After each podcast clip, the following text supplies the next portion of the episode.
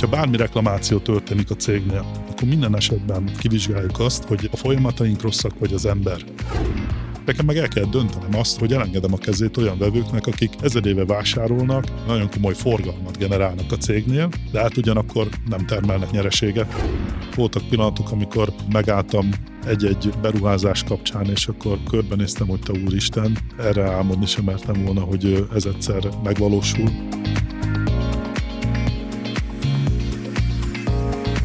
Mitől lesz egy cég sikeresebb a többinél? Mi kell ahhoz, hogy egy vezető úgy építse fel cégét, hogy az fenntarthatóan működjön, miatt folyamatosan növekedni is képes? Vagy éppen ahhoz, hogy egy vágyott szint elérését követően a vállalkozás magabiztos lábakon álljon, akár nélküle is?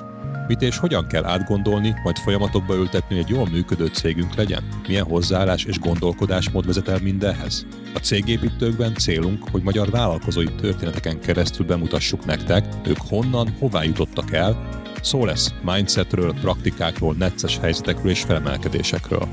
Beszélgető társaim betekintést engednek, mit és hogyan építettek fel cégükben, milyen folyamatokat és rendszereket fejlesztenek a mai napig. Na és persze, hogy ezeknek milyen eredménye van a vállalkozásukban. Minden részben eltérő témakör, iparág, cégméret és motiváció szerint hívunk meg vendégeket.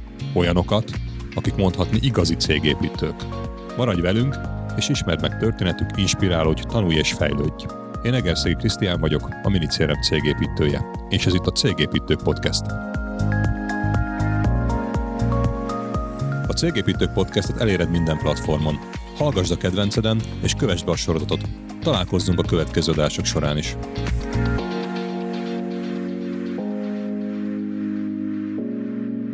Mai nap egy nagyon érdekes beszélgetésnek lehettek majd a tanúi. A vendégem az évek óta ott szerepel Magyarország eh, top 100-as leggazdagabb embereinek a listáján, és egyébként ő egyéni, egy egyszemélyes vállalkozásként egy étteremmel indította karrierjét, aztán ott nagyon gyorsan, amikor a minőségre töregedett, szerintem nem volt meg az a megfelelő kiszolgáló környezet, vállalkozások, és ezt felismerve ezt a nehézséget lehetőségé formálta, és egy iparágat teremtett, és ez a cég, szerintem Magyarországon nagyon sokan ismerik a iparágában biztosan, egy megkerülhetetlen szereplő lett. Matusz Vad ZRT-ről beszélünk, és a mai vendégem Matusz Balázs, akiről nagyon sok olyan hasznos dolgot tudunk szerintem kinyerni itt a mai napon. Én hallottam előadását, beszélgettem vele többször, és az életút, amit bejárt, és, és végigment azon, hogy egy vállalkozást a, a nulláról felépített, de itt nem állt meg, hanem mellette más, lekezeket, lábakat is növesztve, újabb tevékenységbe kezdett, és manapság pedig egy vagyonkezelőt alapított, és a vállalatbirodalom, amit felépített, ennek a tovább örökítésén dolgozik. Úgyhogy szerintem egy elég érdekes és, és izgalmakkal és információval teli beszélgetés lesz. Én köszönöm szépen Balázs, hogy itt vagy és elfogadtad a meghívásunkat, és hát szerintem csapjunk is bele. Hogy is indult ez a vállalkozói élet? Ez sem ma volt, és tudatosan készültél erre a vállalkozói pályára még, amikor belecsaptál? Köszönöm a meghívást, üdvözlöm én is a hallgatókat.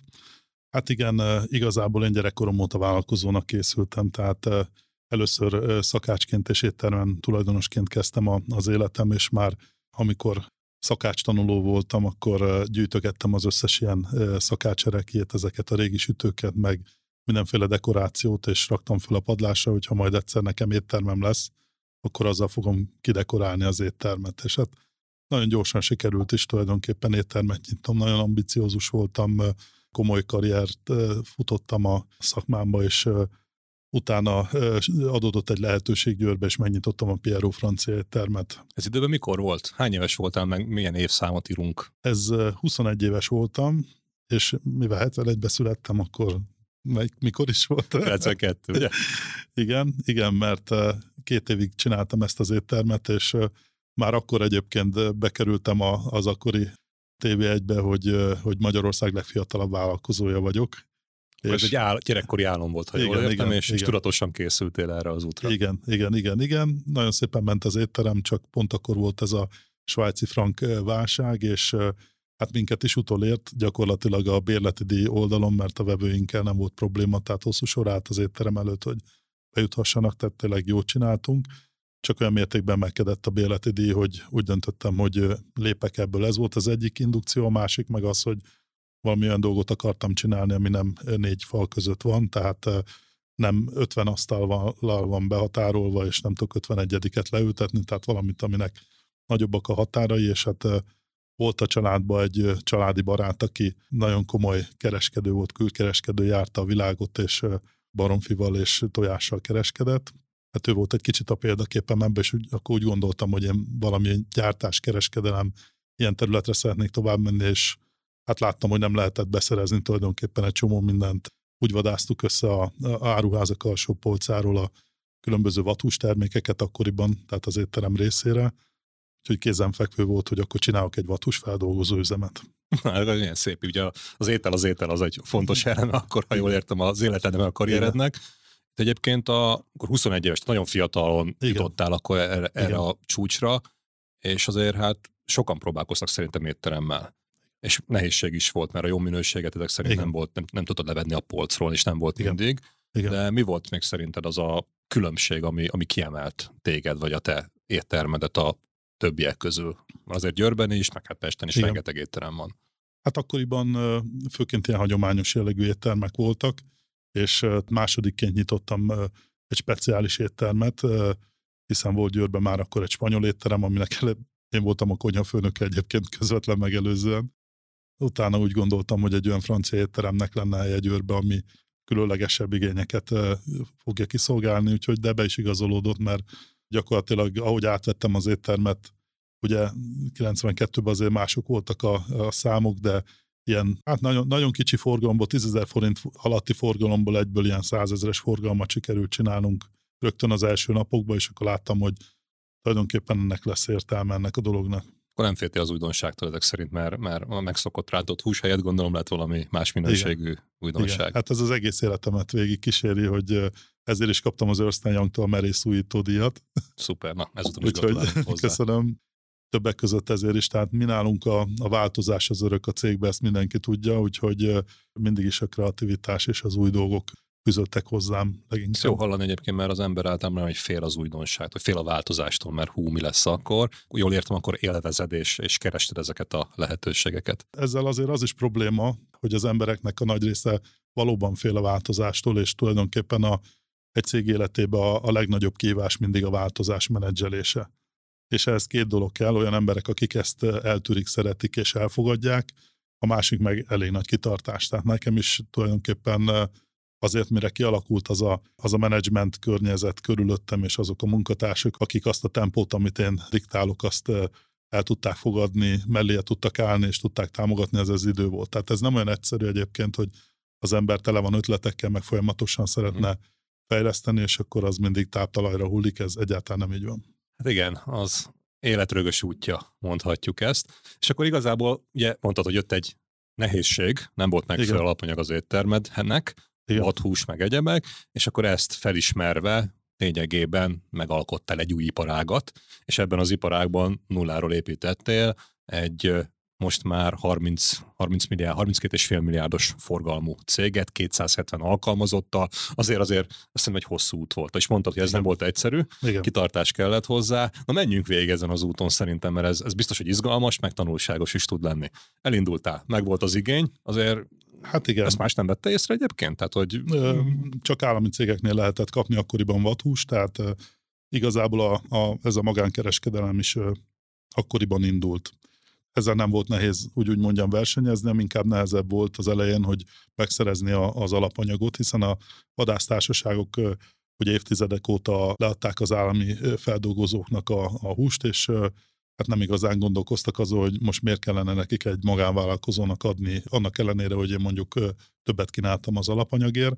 Tehát ez egy borzasztó nehéz dolog volt elfogadtatni magam itt ebbe a társadalomba, és, és megszerezni az alapanyagot. Aztán ahogy megkaptam az alapanyagot, már a szakmai, erőszakmai múltammal olyan szinten dolgoztam föl, hogy igazából hát azóta sincs ilyen a piacon. A vadisznó szűzt, azt békonkalodába tekertem, a combokat megspékeltem szalonnával, tehát a konyha készen adtad, nem a, nem a véres szörös húst adtad oda valakinek, hogy szenvedjen Igen. vele, hanem csak dolgozniuk kellett. Teljesen darabolva a konyha készen adtam, úgyhogy hogy azonnal fel lehetett használni, tehát egy nagyon magas minőségi szinten, és hát tulajdonképpen úgy is ment a dolog, hogy először anyukámat megkértem, hogy a, a szitanyomó üzemével egy kicsit húzódjon vissza a pincéből, én azt kicsempésztem, asztalokat hegesztettem, meg, meg hűtőkamrát építettem, pedig nem szakmám semmelyik se, hogy ezeket tudtam volna, de úgy gondoltam, a más meg tudja csinálni, akkor talán én is. Persze mai szemben már nem voltak ezek annyira szépek, mint mondjuk ma egy szakipari munka, de azért megfelelt a célnak tökéletesen.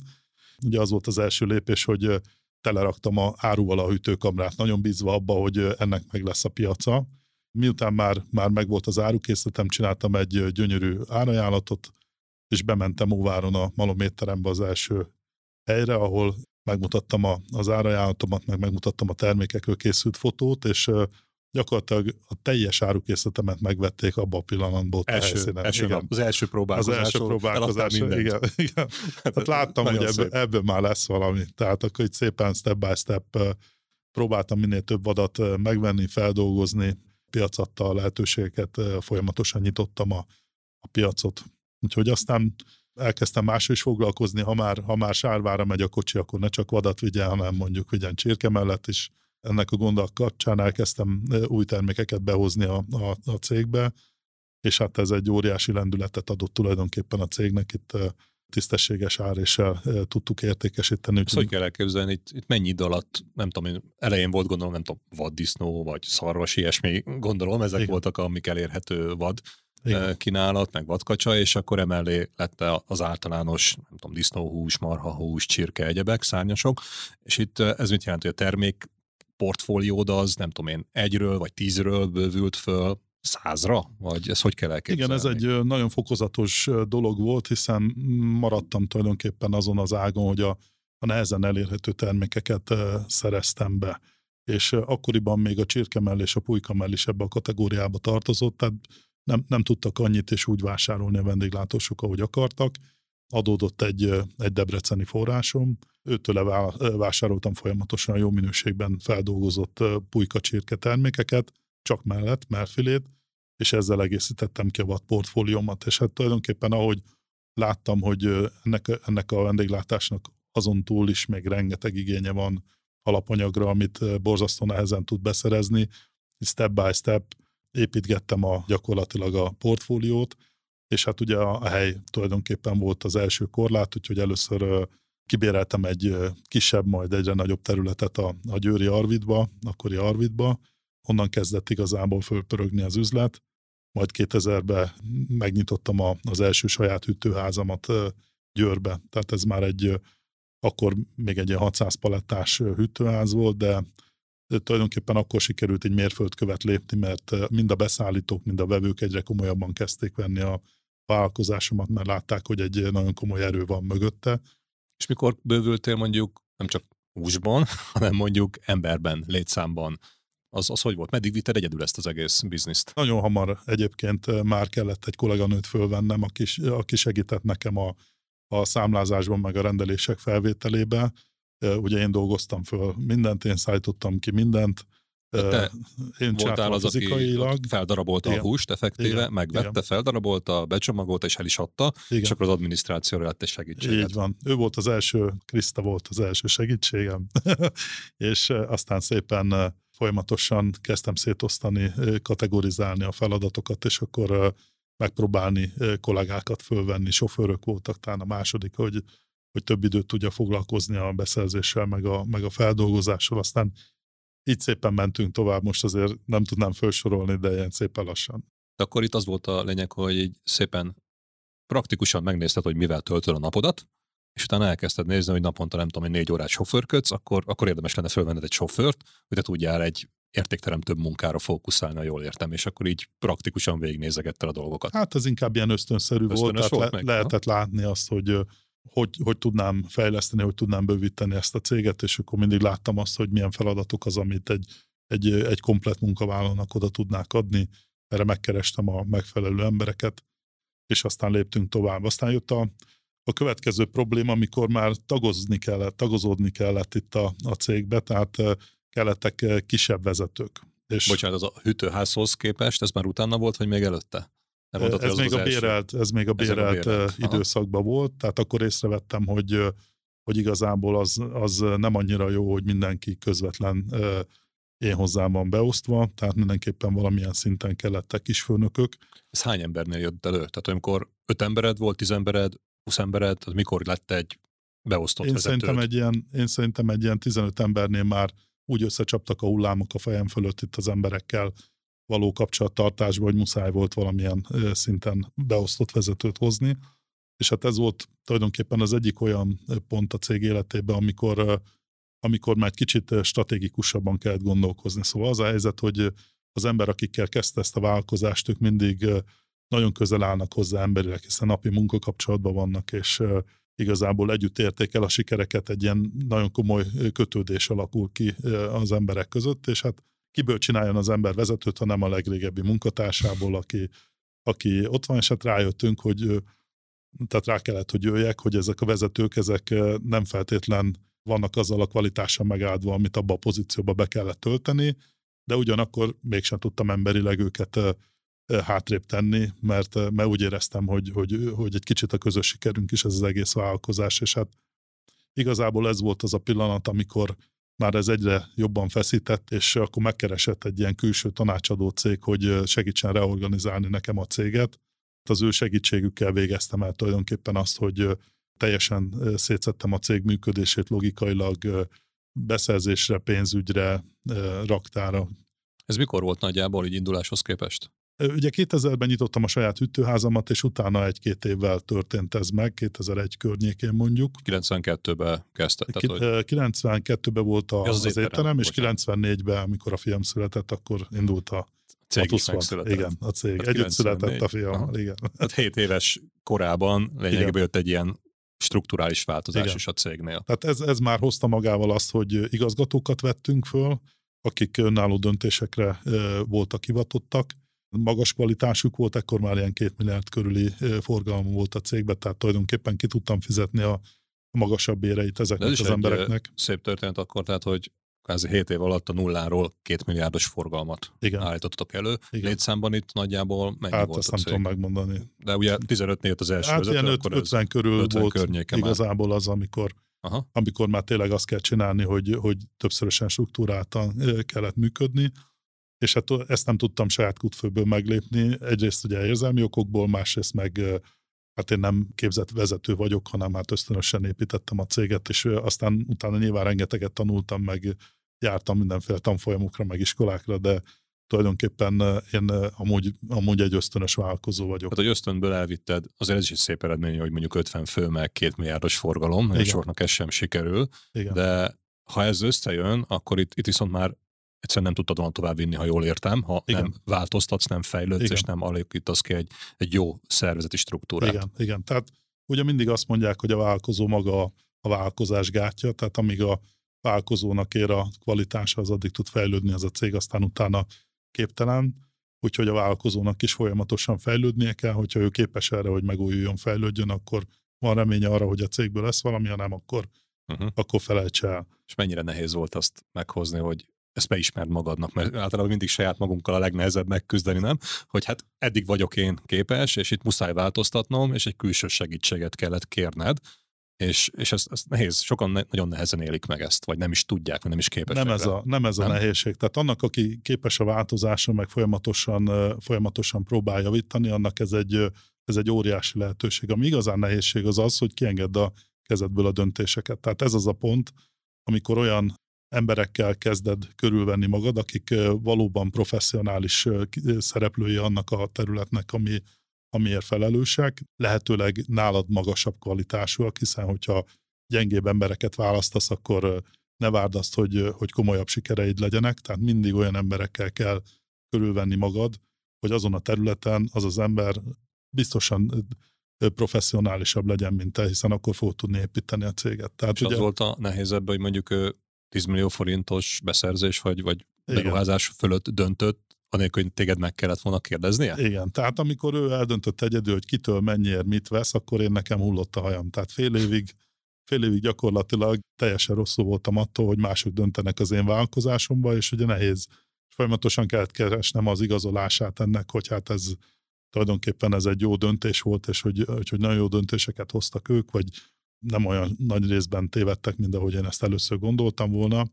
Ez a vezetőnek a, az első ilyen komoly kihívása, vagy a tulajdonosnak, alapítónak a, a második meg az, hogy azt elmondták, hogy hát itt vannak emberek, akik igazából ülnek a szekéren, messze nem tudják azt csinálni, amit kell, és hát ők voltak azok, akik, akik a kezdetek óta velem voltak. Úgyhogy hát őket szépen lassan kikoptak a cégből, megmondom őszintén nem raktam ki őket, hanem megvártam még megunják a történetet, lehet, lehetett volna ezt gyorsabban csinálni, hogy megköszönjem nekik a segítségüket, és aztán tovább lépjek, de emberileg ezt ugye nem akartam meglépni, Szóval akkor két De... típusú, amikor pénzügyi döntést hoznak, meg amikor emberek Igen. sorsáról vagy beosztottak, vagy régi, régi alapító döntenek, kollégáknak a sorsáról kell. És neked ezt el kell fogadni, mert ha nem Igen. fogadod el, akkor meg ugye te vezetsz, nem ők. És el is veszíted az embert. Tehát ugye azt nagyon fontos tudni egy ilyen pozícióban, hogyha az ember megtalálja azt a, azt a kollégát, aki képes önálló döntéseket hozni, ha nem adod meg neki azt a működési szabadságot, amit ő igényel, akkor ő el fog menni tulajdonképpen képes arra és szeretné is azt csinálni, hogy ő önállóan vezet egy területet, és te folyamatosan ott léhegsz a tarkóján, akkor biztosan el fog hagyni, mert ő nem azért szerződött, hogy, hogy adminisztrátora legyen egy olyan folyamatnak, amit esetleg lehet, hogy ő másképp csinálna. És akkor ez a nehéz folyamat tartott nálad fél évig, hogy, hát ez egy fél hogy év elfogad, nekem. hogy Igen az ő döntésük az egyébként jó is voltak, és egyébként mondtad, hogy kerested a visszaigazolást, és Igen. akkor ezek szerint ugye a mai szemmel nézve, így sok-sok év távlatából biztos, hogy jól döntöttél, de ott abban az első fél évben akkor ez mennyire volt? Hát nehéz, Könnyű, nehéz. Volt. Hányszor volt az, hogy így, így erőszakkal fogtad vissza magad, hogy, hogy nem mondd meg, hogy ne, ne azt csinálják, hogy más csináljanak? Igen, hát ez egy nehéz, nehéz folyamat volt, saját magamnak is kellett, te sokat vívottam magamba, de aztán sikerült túlépni rajta, és hát amint túl tudsz ezen lépni, már új dolgokra tudsz koncentrálni, tehát velem is így történt, úgyhogy, úgyhogy sikerült aztán ezt a menedzsmentet összerakni, és hát elkezdett a cég igazából fejlődni, hiszen megtöbbszöröztem az erőmet, már nem csak fizikailag, hanem így most már mentálisan is, és ugye ez egy nagyon lényeges pont, mert ugye a vállalkozó az először fizikailag többszörözi meg az erejét, aztán utána meg mentálisan. Ez egy nagyon jó megfogalmazás, igen, igen. mert ugye olyan munkás, hogy fizikai munkát végeznek, igen. és te irányítod őket, azokat könnyen tudsz venni, meg erőforrás, vagy igen. ütőházat, igen. és utána jön az, hogy elfogytál.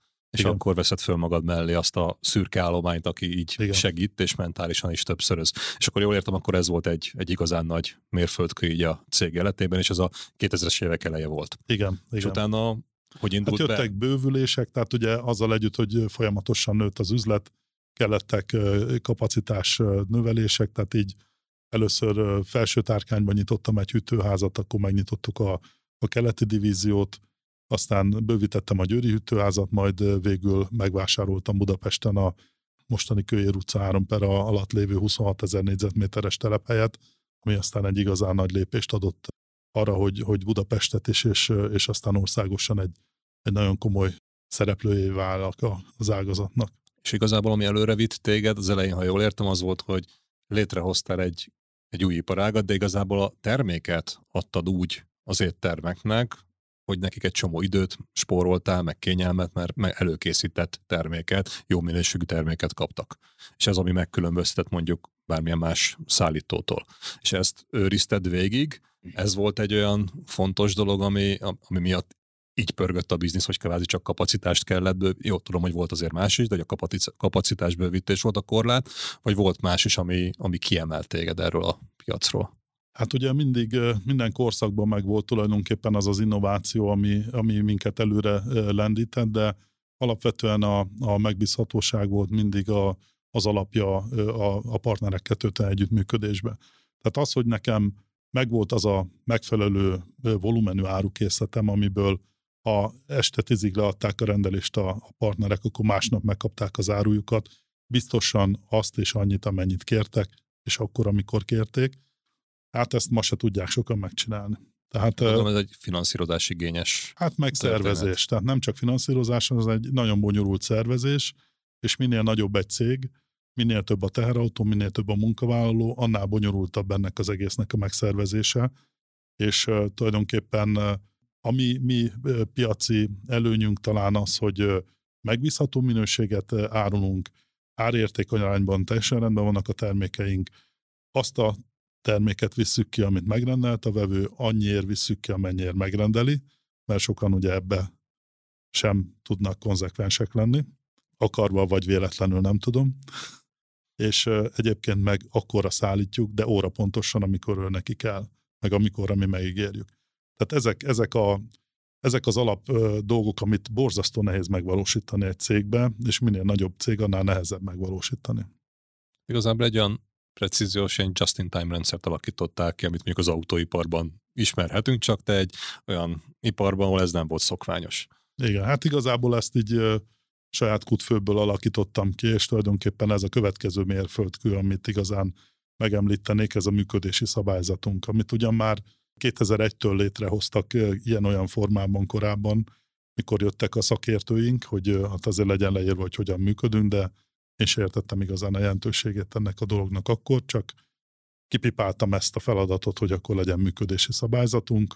Aztán egyre jobban észrevettem azt, hogy minél többen vagyunk, annál fontosabb ez a működési szabályzat. És, De ebben mi volt a baja? Tehát, hogy fejedbe benne volt, és átadta a tudást az embereknek, és akkor jöttek az új emberek, ugye ez a történelmi dolog, hogy információáramlás nem igazán volt meg, és akkor mindig nulláról el kellett nekik magyarázni mindent, vagy hogy mi, miért, mert ugye pipa, oké, okay, kell egy kötelező dokumentum. Ha jól értem, akkor Igen. ez volt az elején. Igen, és nekem utána... ez volt az elején, aztán utána miért fájt ez? sokkal, sokkal később tehát nagyon, nagyon sokáig próbálkoztunk a működési szabályzattal, és mindig valahogy oda jutottunk, hogy évente egyszer áttekintettük a működési szabályzatunkat, és akkor igazából korrigáltuk a, a, a működésünkhöz képest ezt a szabályzatot. Egy utólag, utána igazítottátok, de nem van, a szabályzat szerint van. működtetek. Tehát ennek a szabályzatnak tulajdonképpen semmi jelentősége nem volt, azon túl, hogy deklaráltuk a működésünket, tehát semmi jelentősége nem volt, és aztán egyszer csak jött a felismerés, hogy hogy hát meg kell fordítanom tulajdonképpen ezt az egész történetet, hogy először szabályzat, utána működés.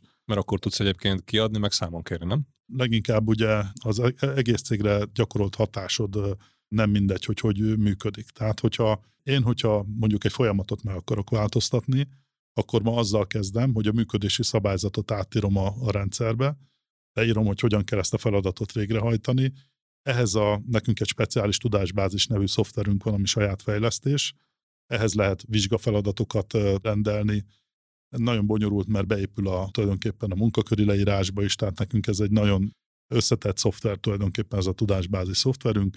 Lényeg az, hogyha én kitalálom, hogy valamit másképp kell csinálni, akkor elsősorban leírom a működési szabályzatba, hogy ezt a folyamatot hogyan kell végrehajtani, majd kiküldöm a munkatársaknak, akiknek ez releváns ez az információ, hogy kérném a jövőben ezt szerint végrehajtani a folyamatot, és egyből kírom őket vizsgára, hogy le kell vizsgázni ennek a folyamatnak a végrehajtásából, ugye ez egy ilyen kérdezfelelekes, több felelet választós vizsga.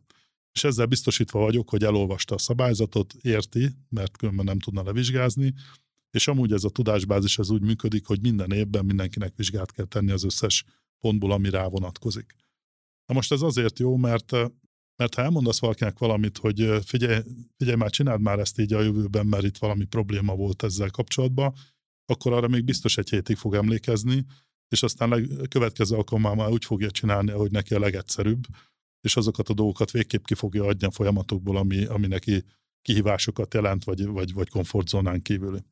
Na most, hogyha ez az egész egy szabályzaton keresztül történik, akkor ezt a, ezt a szabályzatot ezt lehet követelni. Tehát nálunk van például olyan controlling folyamat, hogy, hogy, hogy folyamat controlling aminek az a dolga, hogy megnézi, hogy a szabályzathoz képest az egyes folyamatok ezek eh, hogyan vannak végrehajtva a cégbe, és hogyha eltérést talál, akkor megvizsgálja minden esetben, hogy ez egy jobb praktika, eh, és érdemes lenne a szabályzatot módosítani, vagy kiírjuk az elkövetőt, idézőjelben elkövetőt egy pótvizsgára, hogy tessék már megtanulni, hogy ezt így kell csinálni.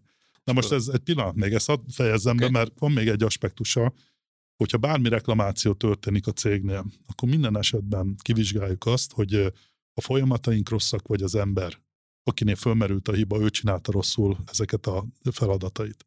És ha a folyamat rossz, akkor minden esetben fejlesztük a szabályzatot, és indul a, a kerék előről, tehát megkapják a, az új végrehajtását az adott feladatnak a, a releváns dolgozók, hogyha meg a, az ember hibázik, és abból jön a reklamáció, akkor megképezzük az embert. És akkor jön az, hogy a teljesítményértékelési rendszerben meg is jelenik, hogy az embert ugye újra pótvizsgáztatni kellett valamelyik folyamatból, mert, mert hibát okozott az ő működése a rendszerbe.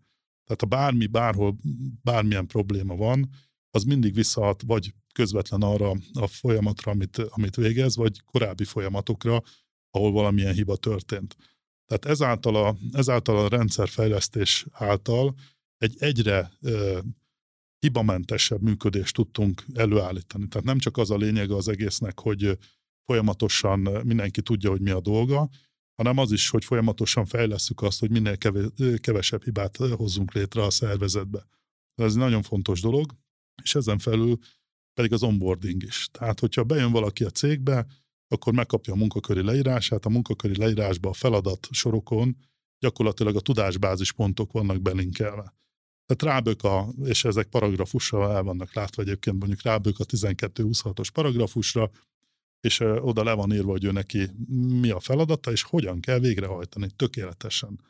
És gyakorlatilag úgy jöhet be hozzánk bárki is a, a gyárkapun, hogy levizsgázott a tudásbázisból, hiszen olyan embereket keresünk, akik szakemberek, tehát értik azt a területet, amivel, amire fölveszük őket, és a tudásbázison keresztül meg tökéletesen megismerik a folyamatait a cégnek. Tehát, hogy ezt nálunk hogyan kell végrehajtani. Tehát mire bejön valaki a cégkapun, olyan ö, specifikus ö, matuszvat tudással rendelkezik, hogy gyakorlatilag a munkakörét azonnal be tudja tölteni, és a, a betonulási folyamat töredékére redukálódik, mint mondjuk egy régi esetben, ahol tulajdonképpen az embereket felsővezetői menedzsment idő pazarolva és különböző egyéb időket pazarolva tanítottuk be arra, hogy mit csináljanak, meg a végén el is felejtették. Tehát az emberek fele jegyzettel, a másik fele nem. Amelyik nem jegyzettel, arról pontosan lehet tudni, hogy a felére nem emlékszik két nap után, mind amit elmondtak neki. Azért ez egy komoly rendszer most, amit így elmondtál, és csomó olyan nagyszerű dolog van benne, hogy a legnehezebb dolog az, hogy előre végig gondold és leírt ugye saját magadnak, mert ha ez nincs meg, akkor nem tudsz mit kiadni, viszont ha ez megvan, akkor onnantól kezdve kvázi a képzést is megoldottad, mert van mit elolvasnia, számon kéréssel együtt, hogy vizsgázzon, magyarul nem lehet itt, hogy persze-persze így kipipálgatjuk, hogy next, next, finish, mert a szoftverben van ilyen opció, és onnantól kezdve az onboarding, ami szerintem rengeteg embernek fel se tűnik, hogy hát veszünk fel néhány új embert, mert nálunk mondjuk csak öten, tizen vagyunk, és évente van két, három, négy, öt új ember. Azért nem érdemes rendszer kialakítani, csak az nem biztos, hogy eljut a tudatáig, hogy a felső vezetőnek, vagy cégvezetőnek naponta elmegy egy-két órája a kiválasztással, a betanítással, aztán a számonkéréssel, ne egy Isten, ha nem vált be az ember, akkor újra kezdődik az egész folyamat, és ez folyamatosan. De meg ha jól értem, akkor ezt megoldottad, és ez így, így leesett a válladról, ami addig nyomasztotta, hogy ezt neked kell, vagy valamelyik fizetődnek csinálni. Hát igen, a, nem csak az én vállamról, hanem a teljes menedzsment, illetve a komplet vezetőség válláról esett le ez a feladat, hiszen a betanítás ez teljesen automatikussá vált. Ez mennyi De... idő szerinted így, így érzésre? Mennyi időt spóroltatok ezzel meg? Rengeteget. Tehát mi, mi egy hetet adunk rá a munkavállalónak, aki kezd hozzánk jönni, hogy mondjuk mindig hétfőn léptetünk be, előtte héten megkapja a komplet hozzáférést a tudásbázishoz, vannak olyan területek, amit csak el kell olvasni, és vannak olyanok, amiből vizsgát is kell tenni, tehát az általános részek azokat csak el kell olvasnia, a neki releváns részekből vizsgát is kell tenni, az ő osztályának a tudásanyagából vizsgát is kell tenni, és akkor hétfőn bejön dolgozni, mindent tud. Tehát nagyon egyszerű a, a betanítás. Még első napján elkezd tudni termelni, nem? Így van, így van. Tehát csak hozzá kell kötnöm a, a, az arcukat a folyamatokhoz, meg a, tehát van egy ilyen kis bemutatkozó rész, hogy itt körbeviszik, a HRS bemutatja mindenkinek, megtalálja, hogy, hogy miről olvasott a tudásbázisba, és hát nagyon gyorsan, nagyon gyorsan, egy, egy héten belül termelő emberem van, biztosan. Ez neked mennyi ideig tartott egyébként ezt így megugrani? Most így szerintem így visszagondolva, hogy elmondtad, hogy nagyon egyszerűnek tűnik. De nagyon sok cégnél azt látom, hogy, hogy nem képesek, vagy nem akarják, vagy, vagy, csak túl kényelmesek az, hogy leírják azokat a folyamatokat, ami a cégvezetőnek a fejében van meg, és ha az én fejemben van meg, akkor az másikban nincsen, mert a gondolatolvasás még nem találta föl senki. És azért ez mekkora projekt volt neked az elején? Képzeld el, mikor egy ilyen ember, akinek a fejében van a tudás, elhagyja a céget, mi történik.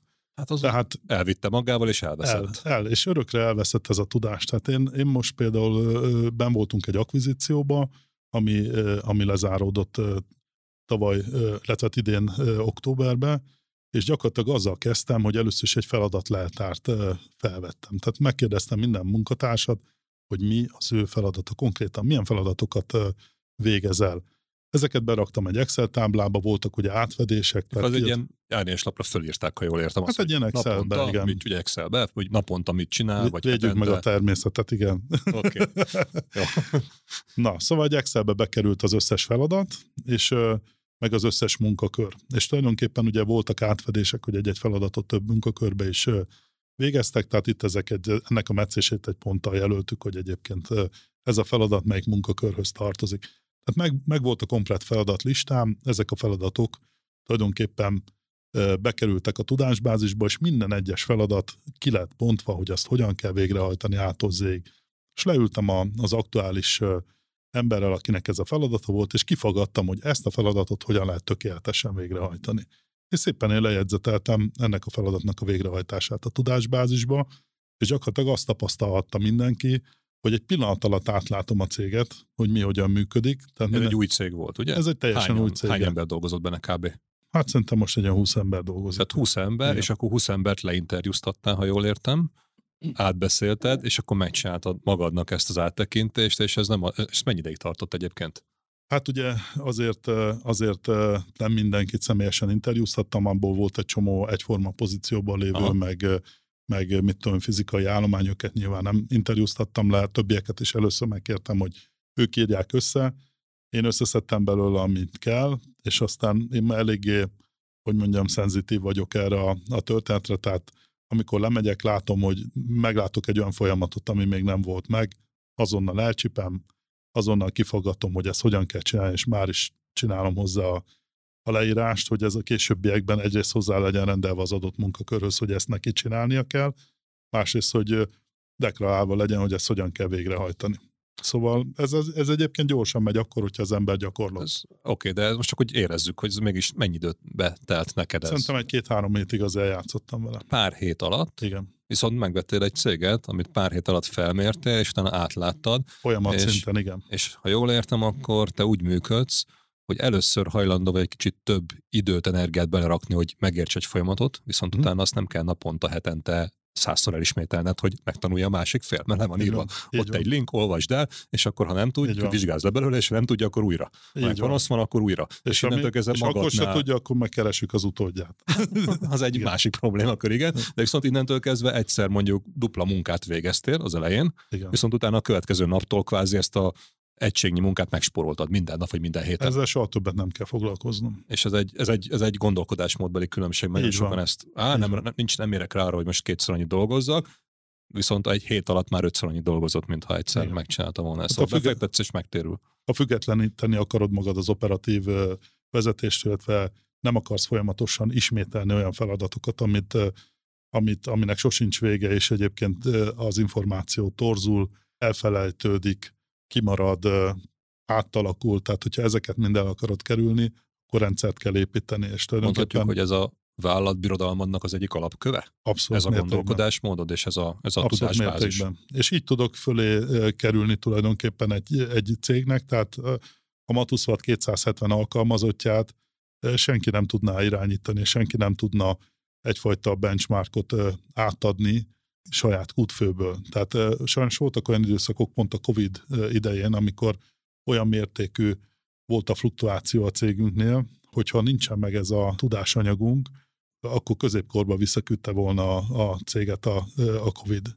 Tehát és mind... akkor belegondolsz, egy, egy, egy papír Igen. és elektronikusan egy tudásbázis, Igen. nélkül nagyjából nem lenne miről beszélnünk, igen, ha jól értem igen. most. Tehát három szinten vezető kilép a cégből, és vége van. Tehát kimagyarázza kinek, hogy mit kell csinálnia. Majd kitalálja, hogy talán ezt is kell csinálnom, meg talán azt is, talán így, meg talán úgy.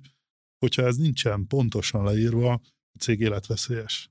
És egyébként ezt a 270 embert most hány ember vezeti nálad? Hát tisztfős a menedzsmentünk, de ezek, management. igen, de ezek mind egy-egy területnek a vezetők. És akkor alattuk még gondolom vannak vezetők. Középvezetők, összesen 50 középvezetőm van, és aztán az alatt meg a többiek. Na, az egy nagyon szép struktúra, és, és innentől kezdve, ugye aki a végponton van, és nem tudom, hogy készíti elő a húst, vagy darabolja, az is tud mindent, és, és igazából a menedzsmentnek nincs konkrét napi szinten kapcsolata, Igen. de ha akar, akkor rá tud látni, és tudja, hogy mit csinál egy ember ott. Igen. És ha bárhonnan bármi panasz jön, akkor ez volt még egy nagyon nagyszerű dolog, ami így szerintem ritkaság számban megy Magyarországon, egy cégre nézzünk, hogy bárhol van valami panasz, akkor, és valószínűleg az a gondolkodásmódodból, meg a rendszerből igen. fakad, hogy megnézed, hogy a folyamattal, a rendszerrel van-e probléma, és akkor, ha igen, akkor fejlesztesz rajta, igen. ha viszont az rendben van, akkor meg tudod, hogy ki az, aki hibázott, és akkor az igen. emberen próbálsz fejleszteni.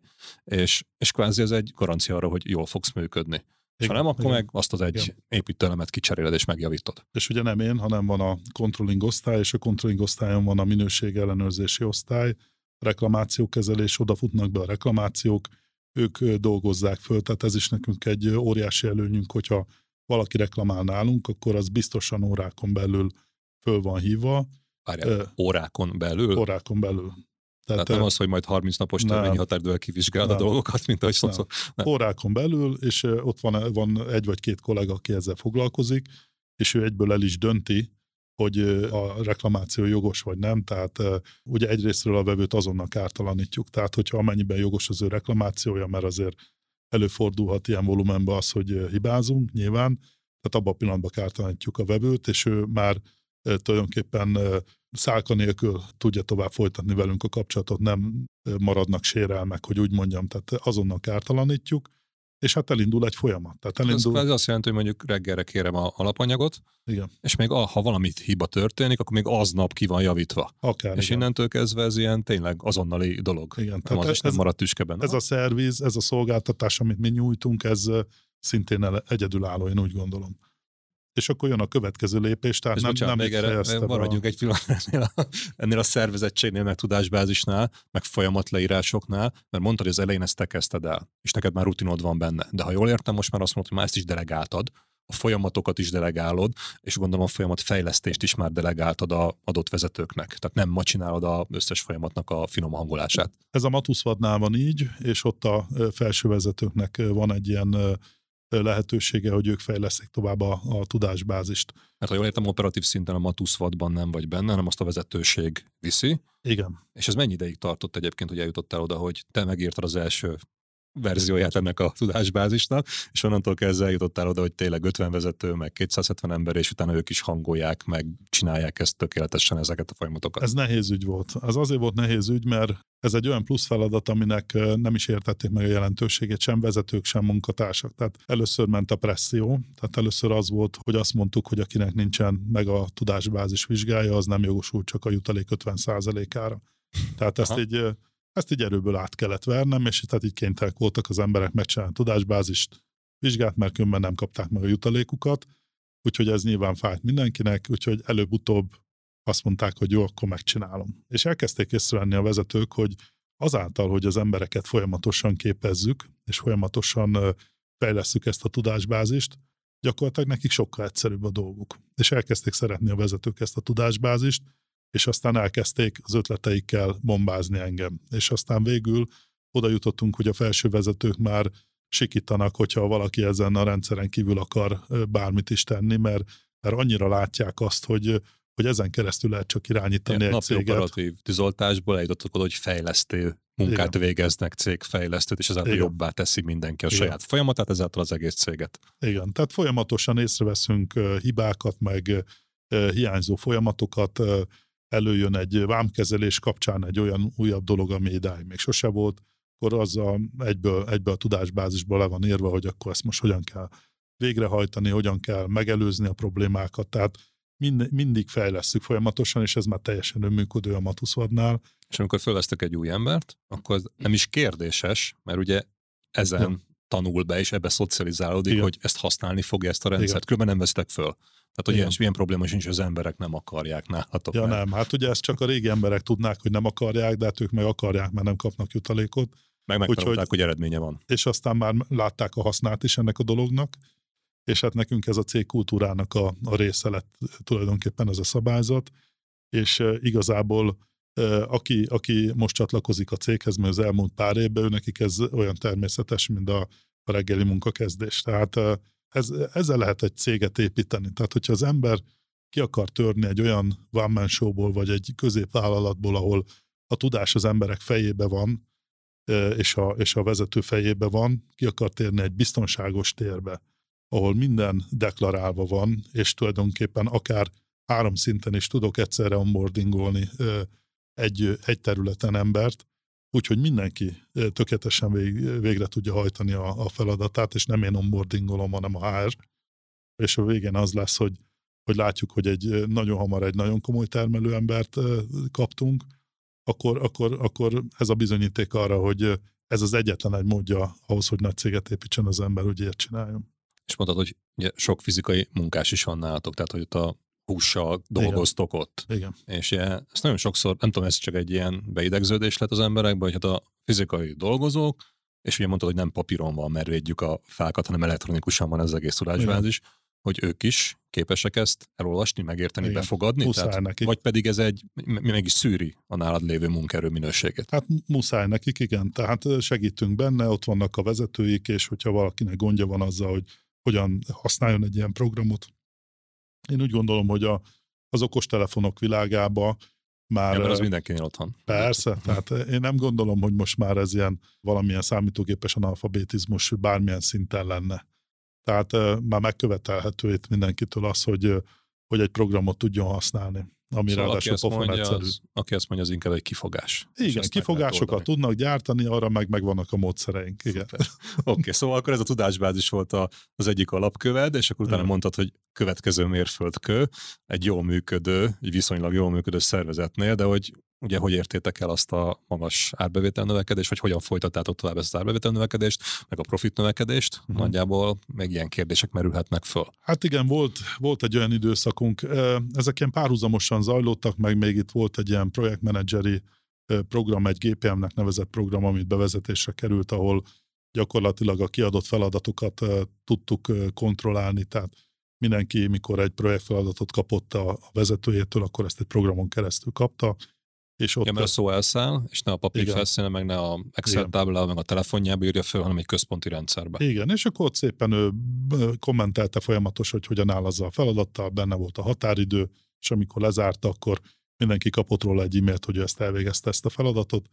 Gyakorlatilag a heti meetingeken ezeket a projekteket tekintjük át, tehát GPM-ezünk, szépen megnyitjuk, neked nézd meg ezek a projektfeladataid, hogyan állsz, hogyan állsz, hogyan állsz, ügyes vagy, nem vagy ügyes, stb. És akkor ez így nincs elfeledve semmi se, és gyakorlatilag minden vezető, még az alatta lévő vezetőknek a munkáját is át tudja tekinteni, hogy hogyan áll. Tehát ez is a, ez is a rendszer része. És, hát a... és akkor megsporoltok mondjuk naponta egy órát, hogy nem kell átbeszélni, meg kitalálni közösen, hogy mit is kell majd ma megcsinálni, igen, vagy a héten igen, megcsinálni, igen. mert le van írva. Ez is le van írva, és ugye áttekinthető. Még én is meg tudom nézni, hogy az egyes munkatársaknak milyen feladataik vannak, rá tudok nézni, hogy, hogy mit csinálnak.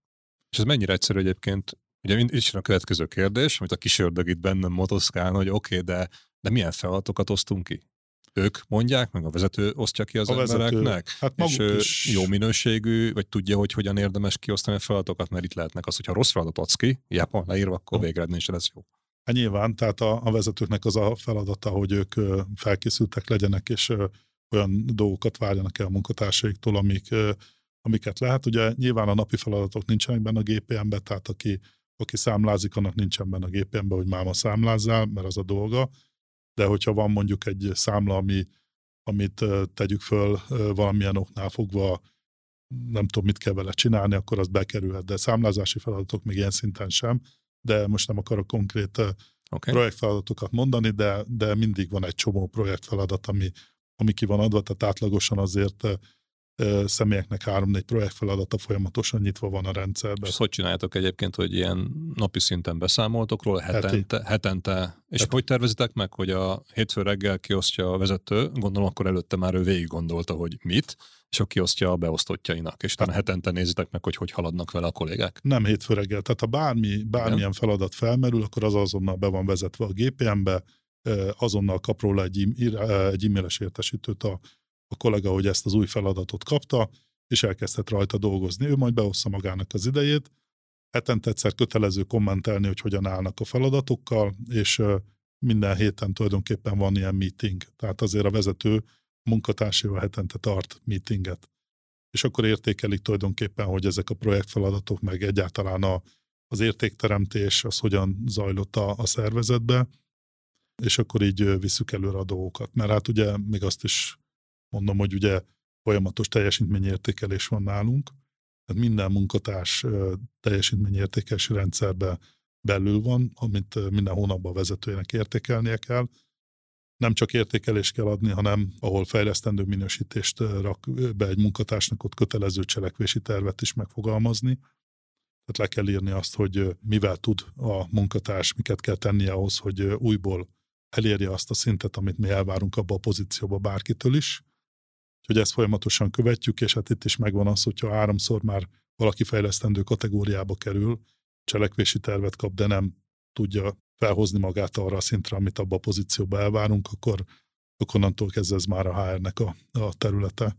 És ha jól értem, akkor ez is azért működik jól, nem azért, mert most egy új technikát, egy új módszertant használsz, amit éppen teljesítményértékelésnek hívsz, hanem hogy össze van kapcsolva akár így a, nem csak a felelősségköreivel, meg a feladat, hogy mit kell csinálni, hanem az, hogy kvázi napi szinten vagy heti szinten milyen projektfeladatokon dolgozik, és nem csak az, hogy hát hasraütésszerűen jól dolgozott a kolléga az elmúlt három hónapban. Hát emlékeim szerint igen, na ekkor szokott félre menni, igen. és nálad meg pont ez az egésznek a lényege, hogy ez meg van oldva. Nem csak érzésekre alapján, vagy, vagy ösztön alapján, mint a leges legelején, hanem most már konkrétan, mert ugye innentől kezdve 50 ember ösztönére kell hallgatnia 50 másik embernek, abban abba sok véletlenszerű kimenet Hát ugye nem csak, nem csak erről beszélünk, tehát nem csak a GPM az egyetlen felület, ahol, ahol tulajdonképpen össze lehet, összegezni lehet, hogy milyen szinten végzi a projekt jellegű feladatait a munkavállaló, hanem nálunk van egy nagyon szofisztikált Power BI rendszer, több száz táblával. Tehát a működésünket minden vonatkozásában monitorozzuk, és meg tudjuk nézni az egyes csoportokban dolgozó munkatársak teljesítményét egymáshoz képest, az időben a benchmark adatokhoz képest, a tavalyi év hasonló időszakához képest, mindenféle területen. Tehát, Tehát a több eleme van ennek az egésznek, és egyben nézitek, de sehol nem érzésekre vagy gondolatokra. Igen, tehát ezek racionális, ezek racionális dolgok, tehát ugye mindenhol és ez csak azért tud racionálisan működni, mert az elején vetted az erőt magadon, hogy leírtad, és bevezetted a szervezetem, hogy ez, ez végig menjen. Azok a folyamatok, ami, amiket leírtam és bevezettem, és a, a teljesítmény, az pedig egy másik történet, mert az az adatokból jön. Tehát az, hogy, az, hogy a, a rendszer folyamatosan gyűjti az adatokat, és ezeket mi tudjuk monitorozni, és ezeket tudjuk értékelni, ez is egyedülálló meg tudjuk azt nézni, hogy egy, egy üzletkötő egy látogatás során, mikor az iPad-ba prezentál a partnernél, milyen cikkeket nyitott meg, hány cikket nyitott meg. Tulajdonképpen egy, egy egyszerű példát mondjak, volt egy, egy értékesítési versenyünk, amiben ki volt üzve egy cél, hogy mit kell eladni, és akkor azt láttuk, hogy a, a munkatársak egy része sikeres volt, a középső része az átlagos volt, és volt egy része, aki teljesen elmaradt a cikk értékesítésében, cikkcsoport értékesítésében, és akkor elkezdtük vizsgálni, hogy mi lehet a probléma. A szakemberek, tehát nem kell nekik elmagyarázni, hogy tulajdonképpen az a cikk az most hogyan néz ki, vagy, vagy miről van szó. Talán nem ismerik a terméket, tartsunk nekik termék bemutatót, talán nem mondtuk el elégszer, hogy ez a feladatuk. Az ügyviteli rendszerünk lett a kulcs, ugyanis sikerült megnéznünk azt, hogy egy-egy cikkre, amiket neki értékesíteni kellett, hány prezentációt végzett és láttuk, hogy aki sikeres volt a, az értékesítésben, az azért volt sikeres, mert minden vevőjének megmutatta a terméket, és rákattintott a webáruházba, és megmutatta neki, hogy ezt a terméket szeretnénk ajánlani neked, és aki meg sikertelen volt, az rá se kattintott ezekre a termékekre, tehát abszolút nem foglalkozott vele. Nem arról van szó egy-egy esetben, hogy az ember eléggé képzette, vagy eléggé csillogó ez az ajándék, amit a legsikeresebbeknek adunk, akkor ha elérik a célokat, hanem hogy egyáltalán végrehajtja a feladatot. Erőfeszítést meg kell tenni. Így van. És ugye azok a rendszerek, ahol, ahol nem tudod ellenőrizni azt, hogy ez az erőfeszítés megvan-e téve, azok nem rendszerek. És még megint jön az, hogy az érzés, hát de hát a kollégáim jó szakemberek, tudják igen, mi az, hát miért nem mutatnák meg? Hát érdekeltek, mert akkor kapnak majd mondjuk több mozgóbért, és mégsem csinálják. És ezt tudod megint racionálisan, objektíven, tényszerűen nézni és látni igen. egy rendszerből, és abból meg tudsz visszacsatolni és fejleszteni, vagy az emberen, vagy a folyamaton, Igen. és ez meg kihat az eredményességedre. Igen, tehát tudjuk vizsgálni azt, hogy egy, egy munkatárs gyakorlatilag elvégzi azt a feladatot, amire meg van bízva, vagy sem.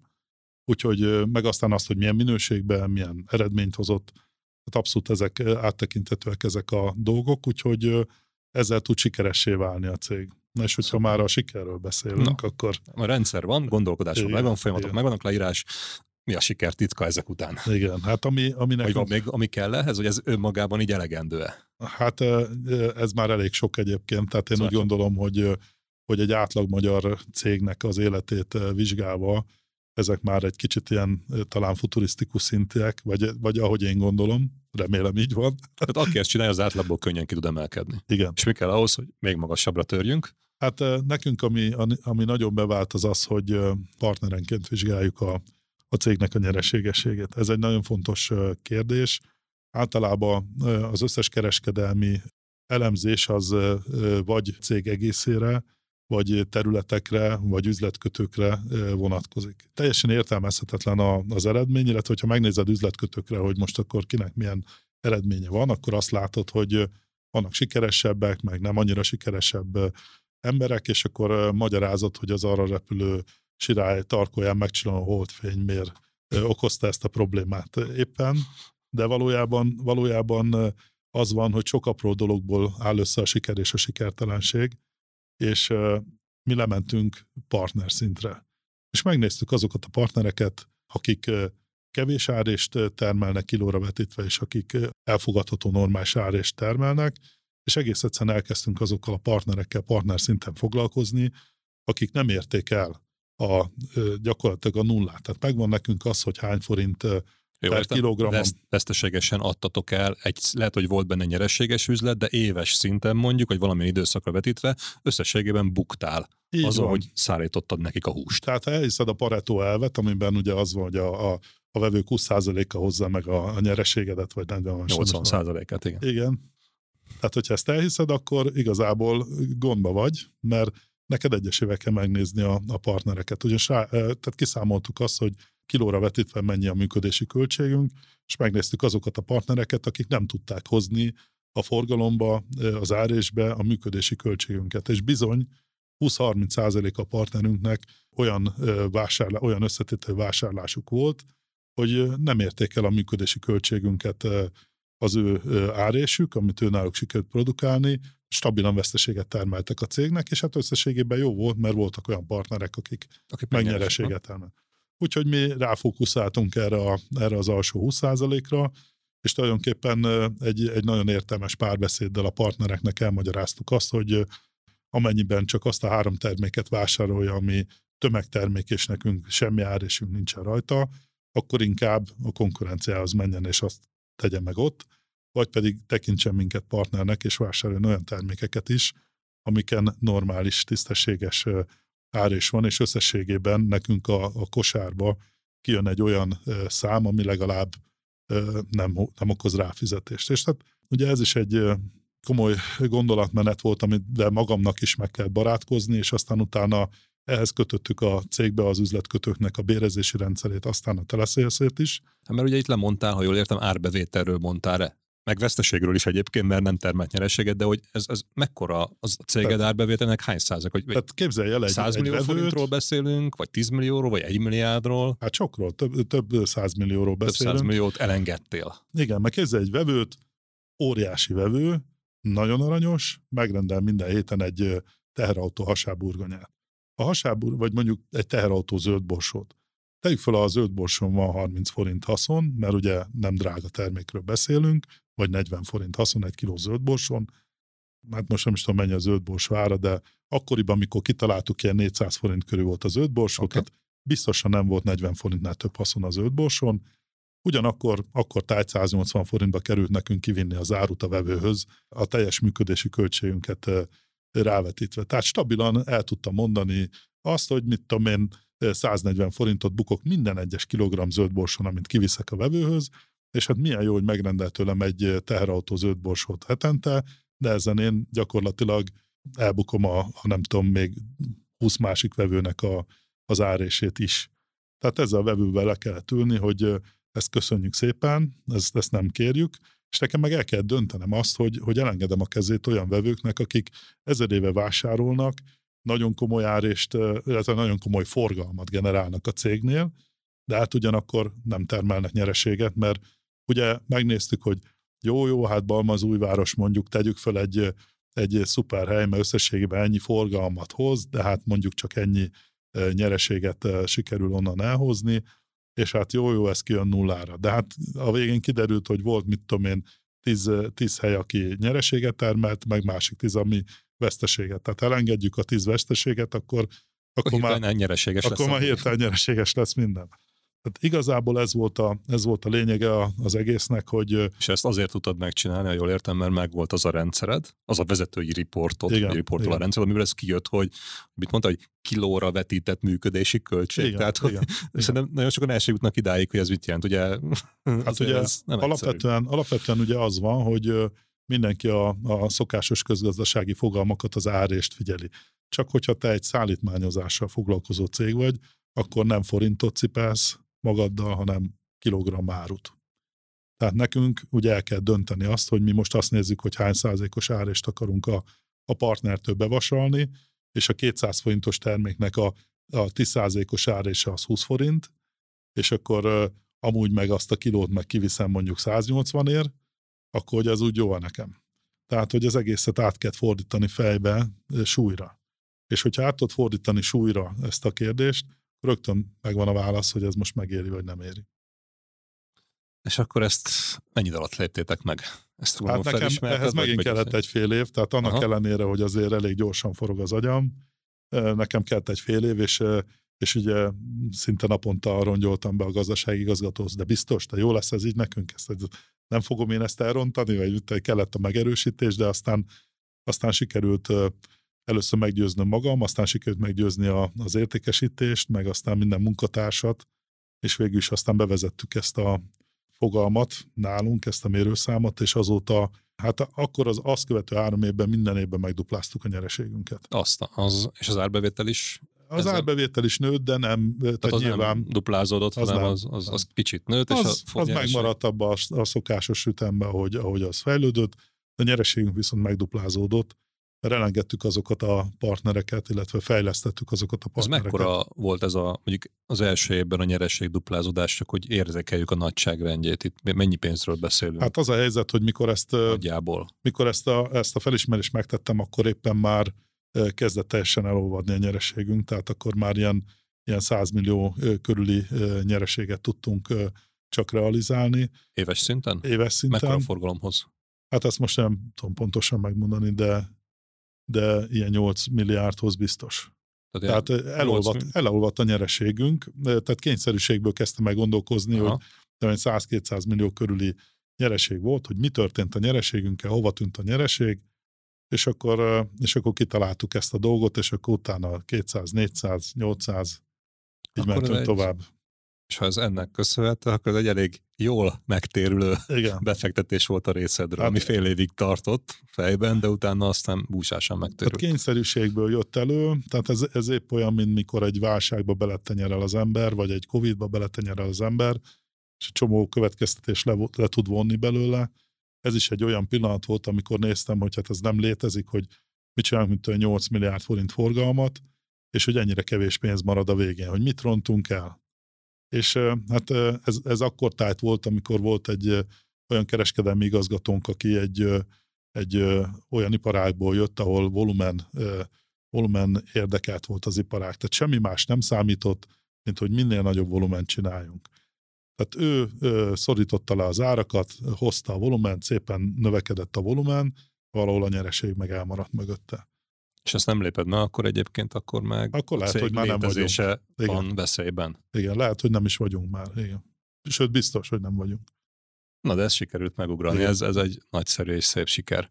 És utána, ha már a sikerről beszéltünk, hogy a, akkor a nyereség is helyreállt, utána mi történt? Mert ez, ez ha ilyen 8-10 milliárdos szint, Uh-huh. Most ugye 30 fölött vagytok már. Igen, hát itt uh, ugye nagyon szépen nőtünk az elmúlt uh, pár évben igazán. Igazából annyi történt a cégbe, hogy uh, hogy ezek a rendszerek, amiket képítettem, ezek beértek, ezek a munkatársak, akik, akikkel együtt dolgozok, egyre hatékonyabban és egyre jobban tudják végezni a munkájukat. Az én operatív működésemre egyre kevesebb igény mutatkozott, és amúgy is a fiam 27 éves, arra gondoltam, hogy ideje lenne elkezdeni az utódláson gondolkozni.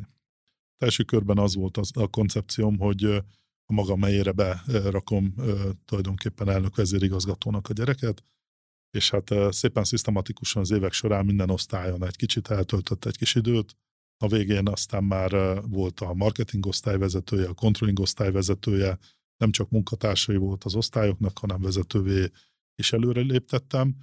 De az igazság, hogy hát van egy, van egy 27 éves fórum ebbe a, ebbe a cégvezetésbe, és tulajdonképpen ezt a céget úgy vezetni, hogy az ember így gyapránként megismeri, és egyébként meg, meg mondjuk kényszerűségből lép ebbe a pozícióba, nem, nem a legjobb megoldás. Tehát rájöttem, hogy nekem egy olyan céget kell összeraknom, amiben ő tulajdonosként tud szerepelni, nem pedig ügyvezetőként, hiszen ügyvezetőbe a legjobb, hogyha megtalálom azt az embert, aki a legjobb ügyvezető, és őt motiválom és megbecsülöm, és ő szépen viszi a céget, és a, a fiam tulajdonképpen annak egy, egy borzasztó okos, meg IBS-en végzett, mert csak pozitívan tudok róla beszélni, motivált, szeret dolgozni, eljár dolgozni, tehát nagyon nagy szerencsém van, mert sokkal az ellenkezőjéből is sokat láttam.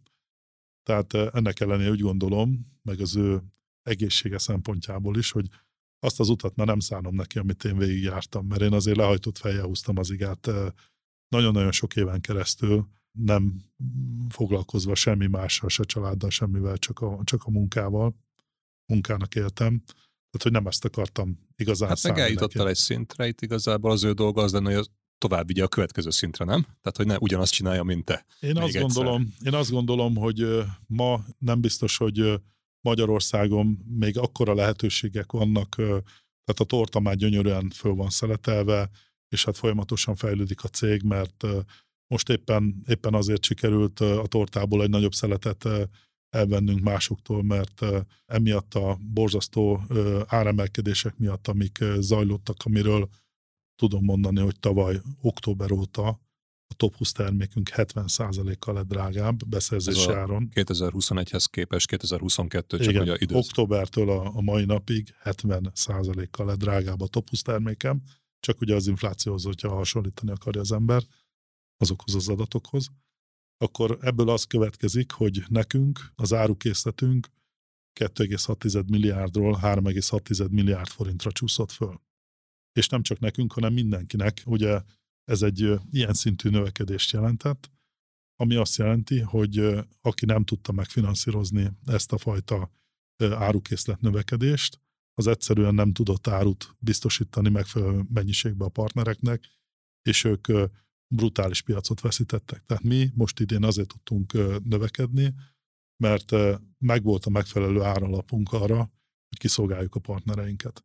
Tehát idén is tudtunk egy óriásit növekedni, de tulajdonképpen ez a növekedés, ez, ez azért már egyre nehezebb. Tehát ez a cég, ez most nyilván mindig fejleszteni kell, és, és még kell bele innováció, de ez a cég, ez, ez tulajdonképpen azon a szinten van, ahol, ahol finomítani lehet folyamatosan a dolgokat, meg hát a következő lépcsőhöz már lehet, hogy beruházások kellenek megint, amit, ami már megint egy bonyolultabb kérdés, főleg a mostani gazdasági környezetben. Tehát magyarán nem, nem ezt a céget fogod megduplázni a következő néhány évben, hanem ez ezen a szinten, amin most van ott egy ilyen Igen. finom növekedésé tud alakulni, Igen. ha jól értem. Tehát ennek a cégnek tulajdonképpen egy, egy nagyon jó működtető menedzsment kell, aki, aki folyamatosan ugye figyelve a, a lehetőségekre, de folyamatosan működteti a céget és ehhez képest, ugye, amit vásároltunk céget, a Frissal Kft-t, ott abban óriási lehetőségek vannak, hogy hogyan tudjuk ezt a céget fölfejleszteni, és ezt kapta meg tulajdonképpen a fiam, és itt egy, most egy válságmenedzsment folyik, nem volt teljesen zöggenőmentes az átadása a cégnek, egy kicsit másképp alakultak a dolgok, mint ahogy ezt terveztük, de nem vagyok teljesen elkeseredve mert a lehetőségeket látom a cégbe, és ugye pont egy ilyen komoly kihívás az, ami erőt ad, és hát a fiamnak meg lehetőséget arra, hogy bizonyítson. Pont úgy, mint Úgyhogy, nála az étterem, és nem igen. volt meg az ellátó rendszer igen, hozzá, igen. és lett egy új iparág, igen. úgyhogy most nézzük meg, hogy ebből mi fog kijönni. Igen, úgyhogy szépen most elkezdtük gyűrni ezt a, ezt a céget. Itt is már megvan a működési szabályzat, működik a GPM, most a ügyviteli Ez volt rendszer. Az a néhány hét, két-három hét, amit mondta, hogy így fölmérted a dolgokat. És igen, igen. Az hát ugye október 1-től vettük át, és hát uh, itt az IT osztályra is roham léptek be, uh, rengeteg feladat árult, mert uh, multiplikálni kellett a mi ügyviteli rendszerünket, ami egy nagyváltó ügyviteli rendszer egy uh, kis vállalkozásra, Tehát ez egy borzasztó kihívással teli időszak volt, mert hát ugye nyilván hordozta magával azokat a állatorvosi ló eseteket, amiket, amiket csak lehetett, ezekben mind sikerült is belelépni, de szépen, szépen varjuk ki a, a problémákat, és, és látom azt, hogy, hogy ebből egy, egy jó lehetőség van. Tehát amiben én elkezdtem gondolkozni, az az, hogy egy cégbirodalmat adok át Hogy ez, tiszta az amerikai feelingem van hirtelen, hogy, hogy ugye céged elvitte a menét utad, és akkor ugye jönnek ezek a felvásárlások, és igen, azzal tudsz igen. bővülni, és akkor igen. valami kiegészítő vagy kapcsolódó céget mellé raksz a tiédnek, és igen. még nagyobb lesz. Igen. És akkor gondolom valami hasonló mm, koncepció van mögötted. Igen, tehát most az a, az a terv, hogy, hogy ezt a céget felhozzuk. Hát ugye az évek során folyamatosan azért mindig lettek új vállalkozások, tehát most, tudom én, kezdődött egy egy cukrászdával, ami, ami Győrben nagyon sikeres a Toszkána cukrászda, aztán folytatódott egy hotellal, a Garzon Plaza Hotel, egy négycsillagos szálloda Győrben, ami szintén nagyon sikeres, aztán azon belül egy, egy étterem, ami most húsevő névre hallgat éppen, és, és ott is egyre szebb eredményeket érünk el, aztán megvettem egy halastavat, ahol, ahol szeretnék... Az alaptevékenységtől nem, messz, nem távolodsz el túl messzire, igen, az igen. étel és a hús, ugye? Ott, ott egy rendezvényközpontot hozunk létre, meg egy partiházat, annak most lesz az átadója december 31-én. Így a cég folyamatosan bővült, és hát kellett is, hogy tulajdonképpen egy ernyő alá rakjuk. És ezt csak ezt azért tudtad megtenni, mert a, a főcéged az ugye operatív szinten működik. Igen, Tőled függetlenül, igen, a kialakított igen. rendszerek, folyamatok mentjén, igen, és igen. neked van energiád a nem a napi tűzoltásra kell fókuszálni, Igen. hanem a birodalom cég, cégek fejlesztésére, megszerzésére, Igen. újak kialakítására. Ugye szükségszerű volt tulajdonképpen egy ernyő szervezetet létrehozni, és ez lett a, a Matus családi bizalmi vagyonkezelő, tulajdonképpen ami alá beraktam az összes cégemet. Ja, mert korábban te voltál, mint magánszemély tulajdonos, Mindennek, és akkor igen, igen. így egy helyre csoportosítottad igen. át őket. Igen, igen, igen. Hát ez ez öröklési szempontból is jó, meg, meg vagyonkezelés szempontjából is, tehát ugye nagyon fontos, hogy, hogy egy kézbe legyen minden, és hogy, és hogy ennek meg legyen tulajdonképpen a rendszere, tehát ezt is rendszerbe foglaltuk. De akkor bocs, még ha jól értem, akkor itt igazából te az a magyar vállalkozó vagy, aki nem mindenféle más tulajdonos társal vagy külső tőkével együtt építette föl a cég birodalmát, hanem te önerőből, Igen. saját szakmai meg üzleti eredményed alapján alakít, vagy raktad össze ezt Igen. a szép nagy Igen. volument. És nagyon állami támogatás nélkül. Gratulálok hozzá. Köszönöm szépen. És akkor most és átrakod akkor ebbe a, hogy, hogy mondtad, családi, bizalmi, vagyonkezelő? vagyonkezelő. Jó, okay, Egyébként jó. a tárkányi ütőházhoz kaptam egy szapárt hitelt annak idején, de az igazság, hogy a nehézségeket is, hogyha levonom belőle, akkor meg most nemrég azért sikerült egy webáruházhoz kapnunk egy támogatást, az, az is jól esett, de hát az is egy, egy 50 milliós nagyságrendű támogatás volt, tehát nem, hogy mondjam, nem pályázatokból nyertem össze a céget meg. Oké, okay, de most, mint elmondta, hogy ilyen 10 milliós nagyságrend, de 30 milliárdos, és ugye most Igen. annyi, de évek során azért itt sok-sok-sok százmilliárdnyi forgalmat generáltál. Igen. Tehát, hogy ahhoz képest ez egy elenyésző összeg. Igen. Úgyhogy most itt tartunk, a családi bizalmi vagyonkezelő, annyi, hogy egy ernyőszervezet, a cégben sok a szinergia, ezeket is szeretném behozni, tehát a controlling osztályt azt hamarosan be fogom emelni ebbe a CBVK-ba, ami azt jelenti, hogy tulajdonképpen a controlling osztály fogja validálni a tulajdonosi ellenőrzéseket nekem, tehát annak van egy biztonsági része, egy, egy pénzügyi controlling része és egy folyamat controlling része, tehát a, a cégeimet ilyen random havi két heti ciklusokba vizsgálják. Van egy tulajdonképpen egy audit, mindahogy a NAV kivonul egy céghez, kimegy a controlling, van biztonsági, meg, meg amiket elmondtam, területeknek van auditja, és ugye azt kezdtük el, hogy tulajdonképpen átvilágítják a, az adott cégnek a működését, és hát nekem riportálnak arról, hogy mit találtak, és hát nyilván rengeteg GPM pont lesz belőle, hogy miket kell csinálni a cégvezetőknek, vagy az egyes területvezetőknek ahhoz, hogy abba a mederbe menjen a működés, ahogy én ezt elvárom, meg hát nyilván az összes eredményt is validálják, tehát nem, nem úgy van, hogy kapok egy riportot az adott cégből, és akkor én azzal úgy megelégszem, hanem tulajdonképpen még pénzügyileg is azért utána néznek, meg mögé néznek a számoknak, hogy azért minden szám stimmeljen, nem egy ilyen kozmetikázott. Ez a bizalmi szál, ha jól értem, az, hogy ugye építik cégeid, tehát elengedted a cégeidet, Igen. ugye más viszi operatívan, ja. és ahhoz, hogy te meg is tudj ebbe bízni, meg hogy ők is saját magukban, Igen. igazából ezt segíti ez a folyamatos riportálás, auditálás, de nem ez az egyetlen egy szempont, hogy itt észrevettem, hanem megint az a, azt keresed, hogy a megállapításokból, hogyan tudod még jobbá tenni majd azokat a cégeket, folyamatokat. Persze, persze. És ez egy, nem csak az, hogy oké, okay, oké, okay, hát nézzük már meg, hogy nem vernek át engem, hanem, hanem megint akarod tenni. Igen, és azért ez, ez, ez nem egy általános mentalitás uh-huh. szerintem. Ezért is valószínű, ezért is tartasz ott, ahol, ahol tartasz. Mert hát én ez a fejlesztő típus vagyok, tehát mindig egy kicsit uh, alakítgatok, meg javítgatok rajta. Én voltam, ja. én hallgattalak téged ugye, több eladáson is, ugye tartottál eladást ugyanerről a rendszerről, és uh, nekem nagyon tetszett már akkor is, abszolút egyetértek vele, és, és én is hasonlóképpen gondolkozom, viszont uh, nem mindenkiben van meg ez a gondolkodás, és, és ott hallottam olyat, hogy át, ez, ez, ez nálunk nem működne ott többen a hallgatóság köré mondták, hogy oké, okay, oké, okay, hogy ott működik, de az én cégemben biztos nem működik. Sőt, egy, sőt, egy másik húsipari cégben sem működne, csak a Matuszvadnál. Ezzel te mennyire értesz ezzel ezekkel az alapvetéseket szerinted? Tényleg csak a Matuszvadra, vagy egy húsipari cégnél működnének, vagy pedig ez, ez kvázi cégtől függetlenül bármilyen cégben működik, működhetne. Én azt gondolom, hogy ez, hogy ahhoz, hogyha valaki kis cégből nagy céget akar, akkor csak így tud nagyjá válni, mert sehogy másképp.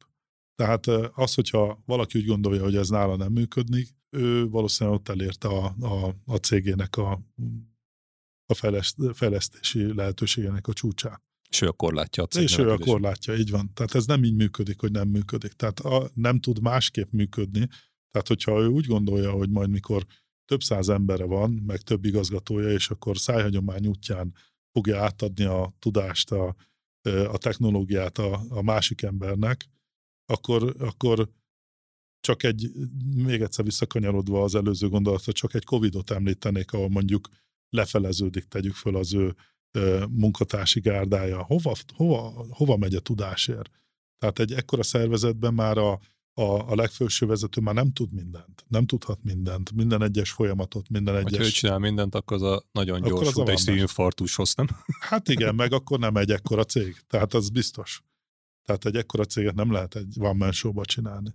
Úgyhogy Meg... nincs más út, mint hogy az ember rendszereket építsen, és a tudást bent tartsa a cégbe, és a tudás, amíg az emberekben van, óriási veszélyben van, ki van szolgáltatva mindenkinek, és, és a gazdaságnak is, és a fejlődés gyakorlatilag prognosztizált, hogy öt évente hanyat esik. Igen, mert igazából, hogy te nem vagy benne a napi operatív tűzoltásban, talán ez a legjobb szó, az adja meg neked az esélyt, hogyha bármilyen váratlan helyzet következik be, legyen itt Covid, vagy teljesen mindegy milyen váratlan hatás, akkor tudsz rá alkalm, vagy tudsz hozzá alkalmazkodni, mert van rá időd.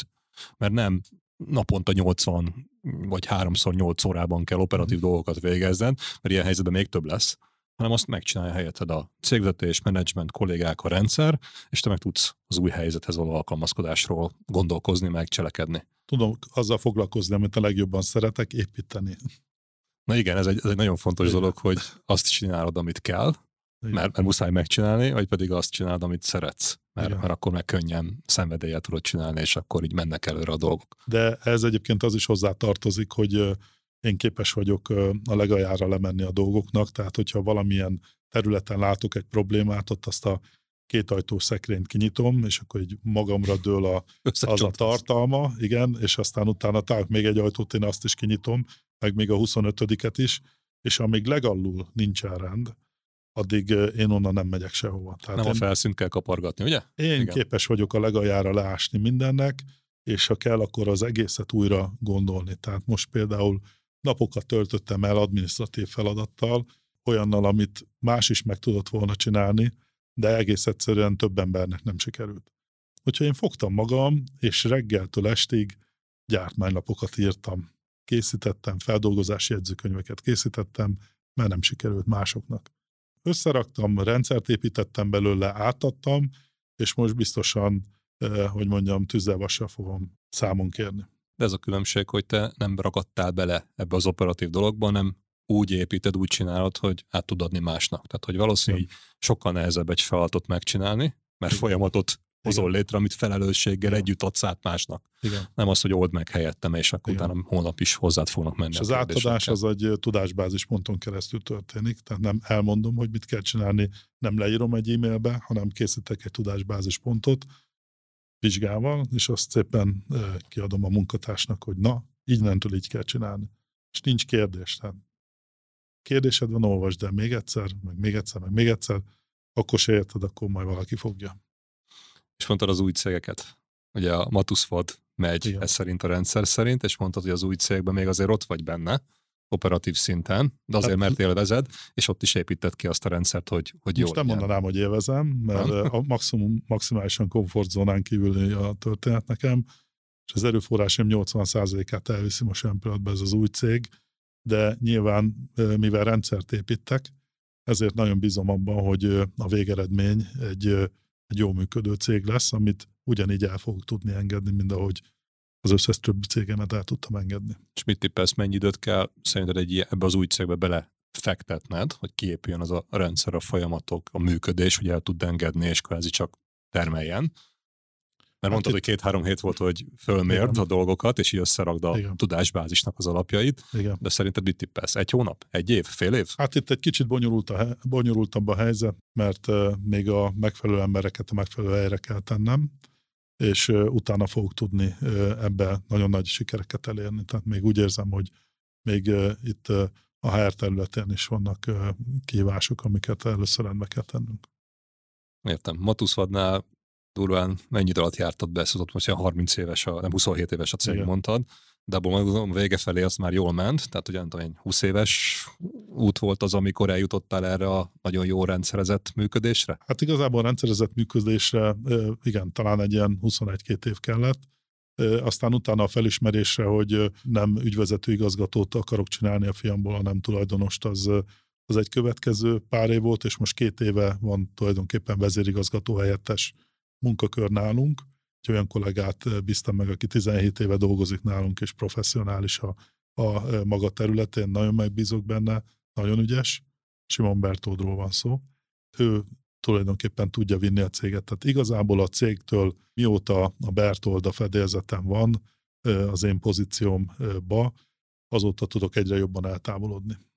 És akkor kívánom azt, hogy akkor ne 20 év legyen ez a következő cégnek, ugye ez a rendszer szintű, de akkor valószínűleg ez jóval hamarabb is lesz, mert már megvan a tudásatok, hogy hogy kell egy céget jól működővé alakítani. Tehát hiába van meg egyébként a tudás, tehát mindennek van egy nagy tehetetlensége, tehát amiket ö, véghez akarunk vinni, azok nem csak ö, szabályozási folyamatok, hanem ö, üzleti folyamatok is, ezeknek jócskán van tehetetlensége, tehát mire sikerül az információt, a, az előnyöket, a partnereket, a beszállítókat olyan szinten megszólítani, hogy ezek prosperálóak legyenek, ezeknek biztos, hogy lesz egy időfaktora. Én azt gondolom, hogy a rendszert ezt egy három hónapon belül nadrágba rázom, és a, és a, a céget szerintem egy éven belül meg nagyon komoly prosperáló cégé tudom fejleszteni. Ezt akartam hallani, Mhm. és direkt ezért kérdeztem, mert a másik óriási, hát nem tudom, én ezt inkább nyafogásnak szoktam hívni, amit a Mhm. piacon lehet hallani, hogy hát egy új rendszert bevezetni, hát az, az évekig tart, és hát inkább el se kezdjük, mert olyan sokáig tart. És te most egy, megvettél egy céget, aminél azt mondod, hogy este kicsontvázzak a szekrényből, de itt azt mondod, hogy három hónap. Igen. Tehát, hogy nem az, hogy majd, majd két év múlva meg ilyenek, és, és ha jól értem, akkor te nem fogadod el azt a helyzetet, hogy ezt nem lehet megcsinálni, hanem Igen. megcsinálod, mert, mert van benne tapasztalatod, és hiszel benne, hogy ez jó lesz. És ha három hónap alatt egy rendszert összeraksz, bevezetsz, és utána egy év alatt teszel prosperáló egy céget, hát szerintem ez egy álomszerű dolog. Hát remélem, hogy ez az állam valóságá válik. Oké, okay, de neked az biztos, hogy ezerszer nagyobb esélyed van erre, mint aki azt mondja, hogy el se kezdi, nem? És ez, Hát egy, ez egy kulcs, kulcs dolog. Na, ez, ez nagyszerű. És utána, ha ez a cég is szép gyöngyszeme lesz itt a, a családi bizalmi vagyonkezelő, na, csak, csak Igen. kibírom mondani, cégnek, akkor utána milyen terveid vannak? Még jön majd még egy újabb égköve ennek Vannak. a birodalomnak, vagy pedig mész pecázgatni a horgásztavadba? Vannak a puskacsőbe egyébként még projektek, de nem tudom, hogy az ambícióim azok elegek lesznek-e hozzá, tehát most már kezdem úgy érezni, hogy igazából ebből csak sportot üzök ebből a történetből, úgyhogy sportolni meg lehet, hogy a sportpályán jobb lenne. Lehet, hogy ezt már a, a utána nem jövő generációnak fogom hagyni ezeket a projekteket, majd meglátjuk, mert azért leállni se egyszerű. Tehát annak, aki, aki pörög, az nem tud leállni. Ugyanakkor az embernek így 51 évesen már az egészségével is többet kéne foglalkozni. A jelenlegi projekt mellett semmi nem tudok foglalkozni magammal, csak a fizikai szükségleteimet elégítem ki éppen, tehát se sport, se tudatos pihenés, vagy, vagy, vagy olvasás, vagy bármi. Egyébként nagyon sok sportot üzök, mert amúgy imádok biciklizni, rengeteget bicikliztem mondjuk nyáron Passzóból Bécsbe bicikliztem meg, szóval ilyenek. Aztán nagyon sokat motorozok, most éppen múlt héten Kanári-szigeteken egy hétig motoroztam körbe-körbe, tehát ez mondjuk rácáfol arra, hogy mennyit dolgozok, de azért sajnos ez ritkán van. Láttalak meg, még repülőgép pilóta fülkéjében igen, is, tehát igen. azért, azért szerintem azért ez a eléggé pörgős életet élsz amúgy is. Igen, igen, van, van szakszolgálati engedélyem, és egyedül repülök motoros gépekkel, van is saját repülőgépem, meg hát van egy csomó sport, ami, ami a lövészettől a golfon át egy csomó minden van, ami így bármikor elérhető, mert minden megvan hozzá, csak, csak az idő nincs. Na hát akkor egy, egy jó kérdés, hogy a te saját projektkezelő, vagy volt gép, gép, GPM, GPM rendszerben kiad, kiadod-e magadnak ezt a feladatot, hogy akkor Igen. ezt kéne megvalósítani, és vagy számon is kéred a saját magadat, Igen. hogy akkor ez, ez összejött. Hát szeretnék, szeretnék egy kicsit uh, lassítani egyébként, mert ez most tényleg túl sok. Szóval ennyi idősen az embernek figyelnie kell jobban az egészségére, hogyha látni akarja az unokáját, már pedig nekem van egy egyéves Lara Sofia nevű gyönyörű unokám, és ővele szeretnék majd minél több időt eltölteni. Szuper. És ha visszagondolsz a leges legelejére, amikor megálmodtad, mondtad, hogy már gyerekkorodban is vállalkozó akartál lenni, akkor, akkor azt megkérdezhetem így, hogy ott abban a nem tudom én hány éves gyerek fejében milyen állam, azon ki, hogy vállalkozó, fogalmazódott meg, ugye az, hogy látjuk, hogy ma mi lett belőle, ez mm. mennyire van köszönő viszonyban, vagy hát, valami teljesen más nagyságrendet álmodtál. Az az igazság, hogy eddig nem, nem jutottam el az álmaimba, ahol most tartok, hogy őszinte legyek. Tehát voltak pillanatok, amikor megálltam egy-egy beruházás kapcsán, és akkor körbenéztem, hogy te úristen, erre álmodni sem mertem volna, hogy ez egyszer megvalósul. És ezek, ezek a pillanatok azért jók, mert az ember feltölti energiával, és, és hogyha nem tudsz örülni semminek se, akkor azért nem leszel boldog, nem, nem mondom, hogy én mindenek tudok örülni, meg úgy, ahogy kellene, de voltak pillanatok, amikor, amikor volt ilyen hűha érzés, hogy azt a mindenét, ez, ez azért ez egy komoly lépés volt a, a, az életbe. Úgyhogy voltak ilyenek, és amikor, amikor még a Piero francia éttermet bezártam, és megalapítottam a Matuszvad Matus feldolgozó Kft-t, illetve vállalkozást, egyén vállalkozást, akkor gondoltam arra, hogy egy komoly céget rakok össze, ami nagy szabadságot fog nekem majd jelenteni üzletileg is, és mindenféle téren, de ekkorát akkor még nem álmodtam. Hát én, én gratulálok hozzá, mert lenyűgöző ez, amit itt, itt, itt szóval végigmentünk rajta, és még, és még valószínűleg csak a felszínt kapargattuk itt az elmúlt 27 évedből, ami, meg még ugye előtt az a pár vállalkozó év, ami, ami volt, de ez is szerintem óriási eredmény, és, és az a tapasztalás, amit, amit kiveszünk ebből, és végignézzük azokat a lépéseket, igazából szerintem a legfontosabb mondásod az volt, hogy ez, ez máshogy nem tud működni. Igen. Ha nagy szeget akarsz építeni, és ezért ez egy egyetemi szintű tananyagnak is szerintem elmenne, amiről itt, itt beszélgettünk mert ezt máshol nem tanítják csak az életiskolájában. Mm. És ha így a végén ki kéne emelni egy olyan dolgot, ugye nagyon sok mm. mindenről beszéltünk, de ami, amit, amit tanácsolnál, vagy javasolnál azoknak a vállalkozóknak, akik minket, mm. vagy cégépítőknek, akik minket hallgatnak, hogy szerinted ez a tuti, ha nem is a Szent Grál, de amit, amit mindenképpen csináljanak meg, mert neked bejött, akkor, mm. akkor mi lenne az? Én a rendszerek rabja vagyok, úgyhogy nem tudok más mondani, hogy mindenki építsen rendszereket, mert ha atok működik, és nem egy, egy rendszeren belül, akkor soha nem lesz eredményes. Tehát én ezt tudom mindenki javasolni. Meg hát köszönöm, hogyha meghallgattak engem, meghallgattatok engem, meg remélem, hogy bárkinek bármit hozzá tudok tenni az ő gondolatiságához, akkor én most boldog vagyok. Köszönöm.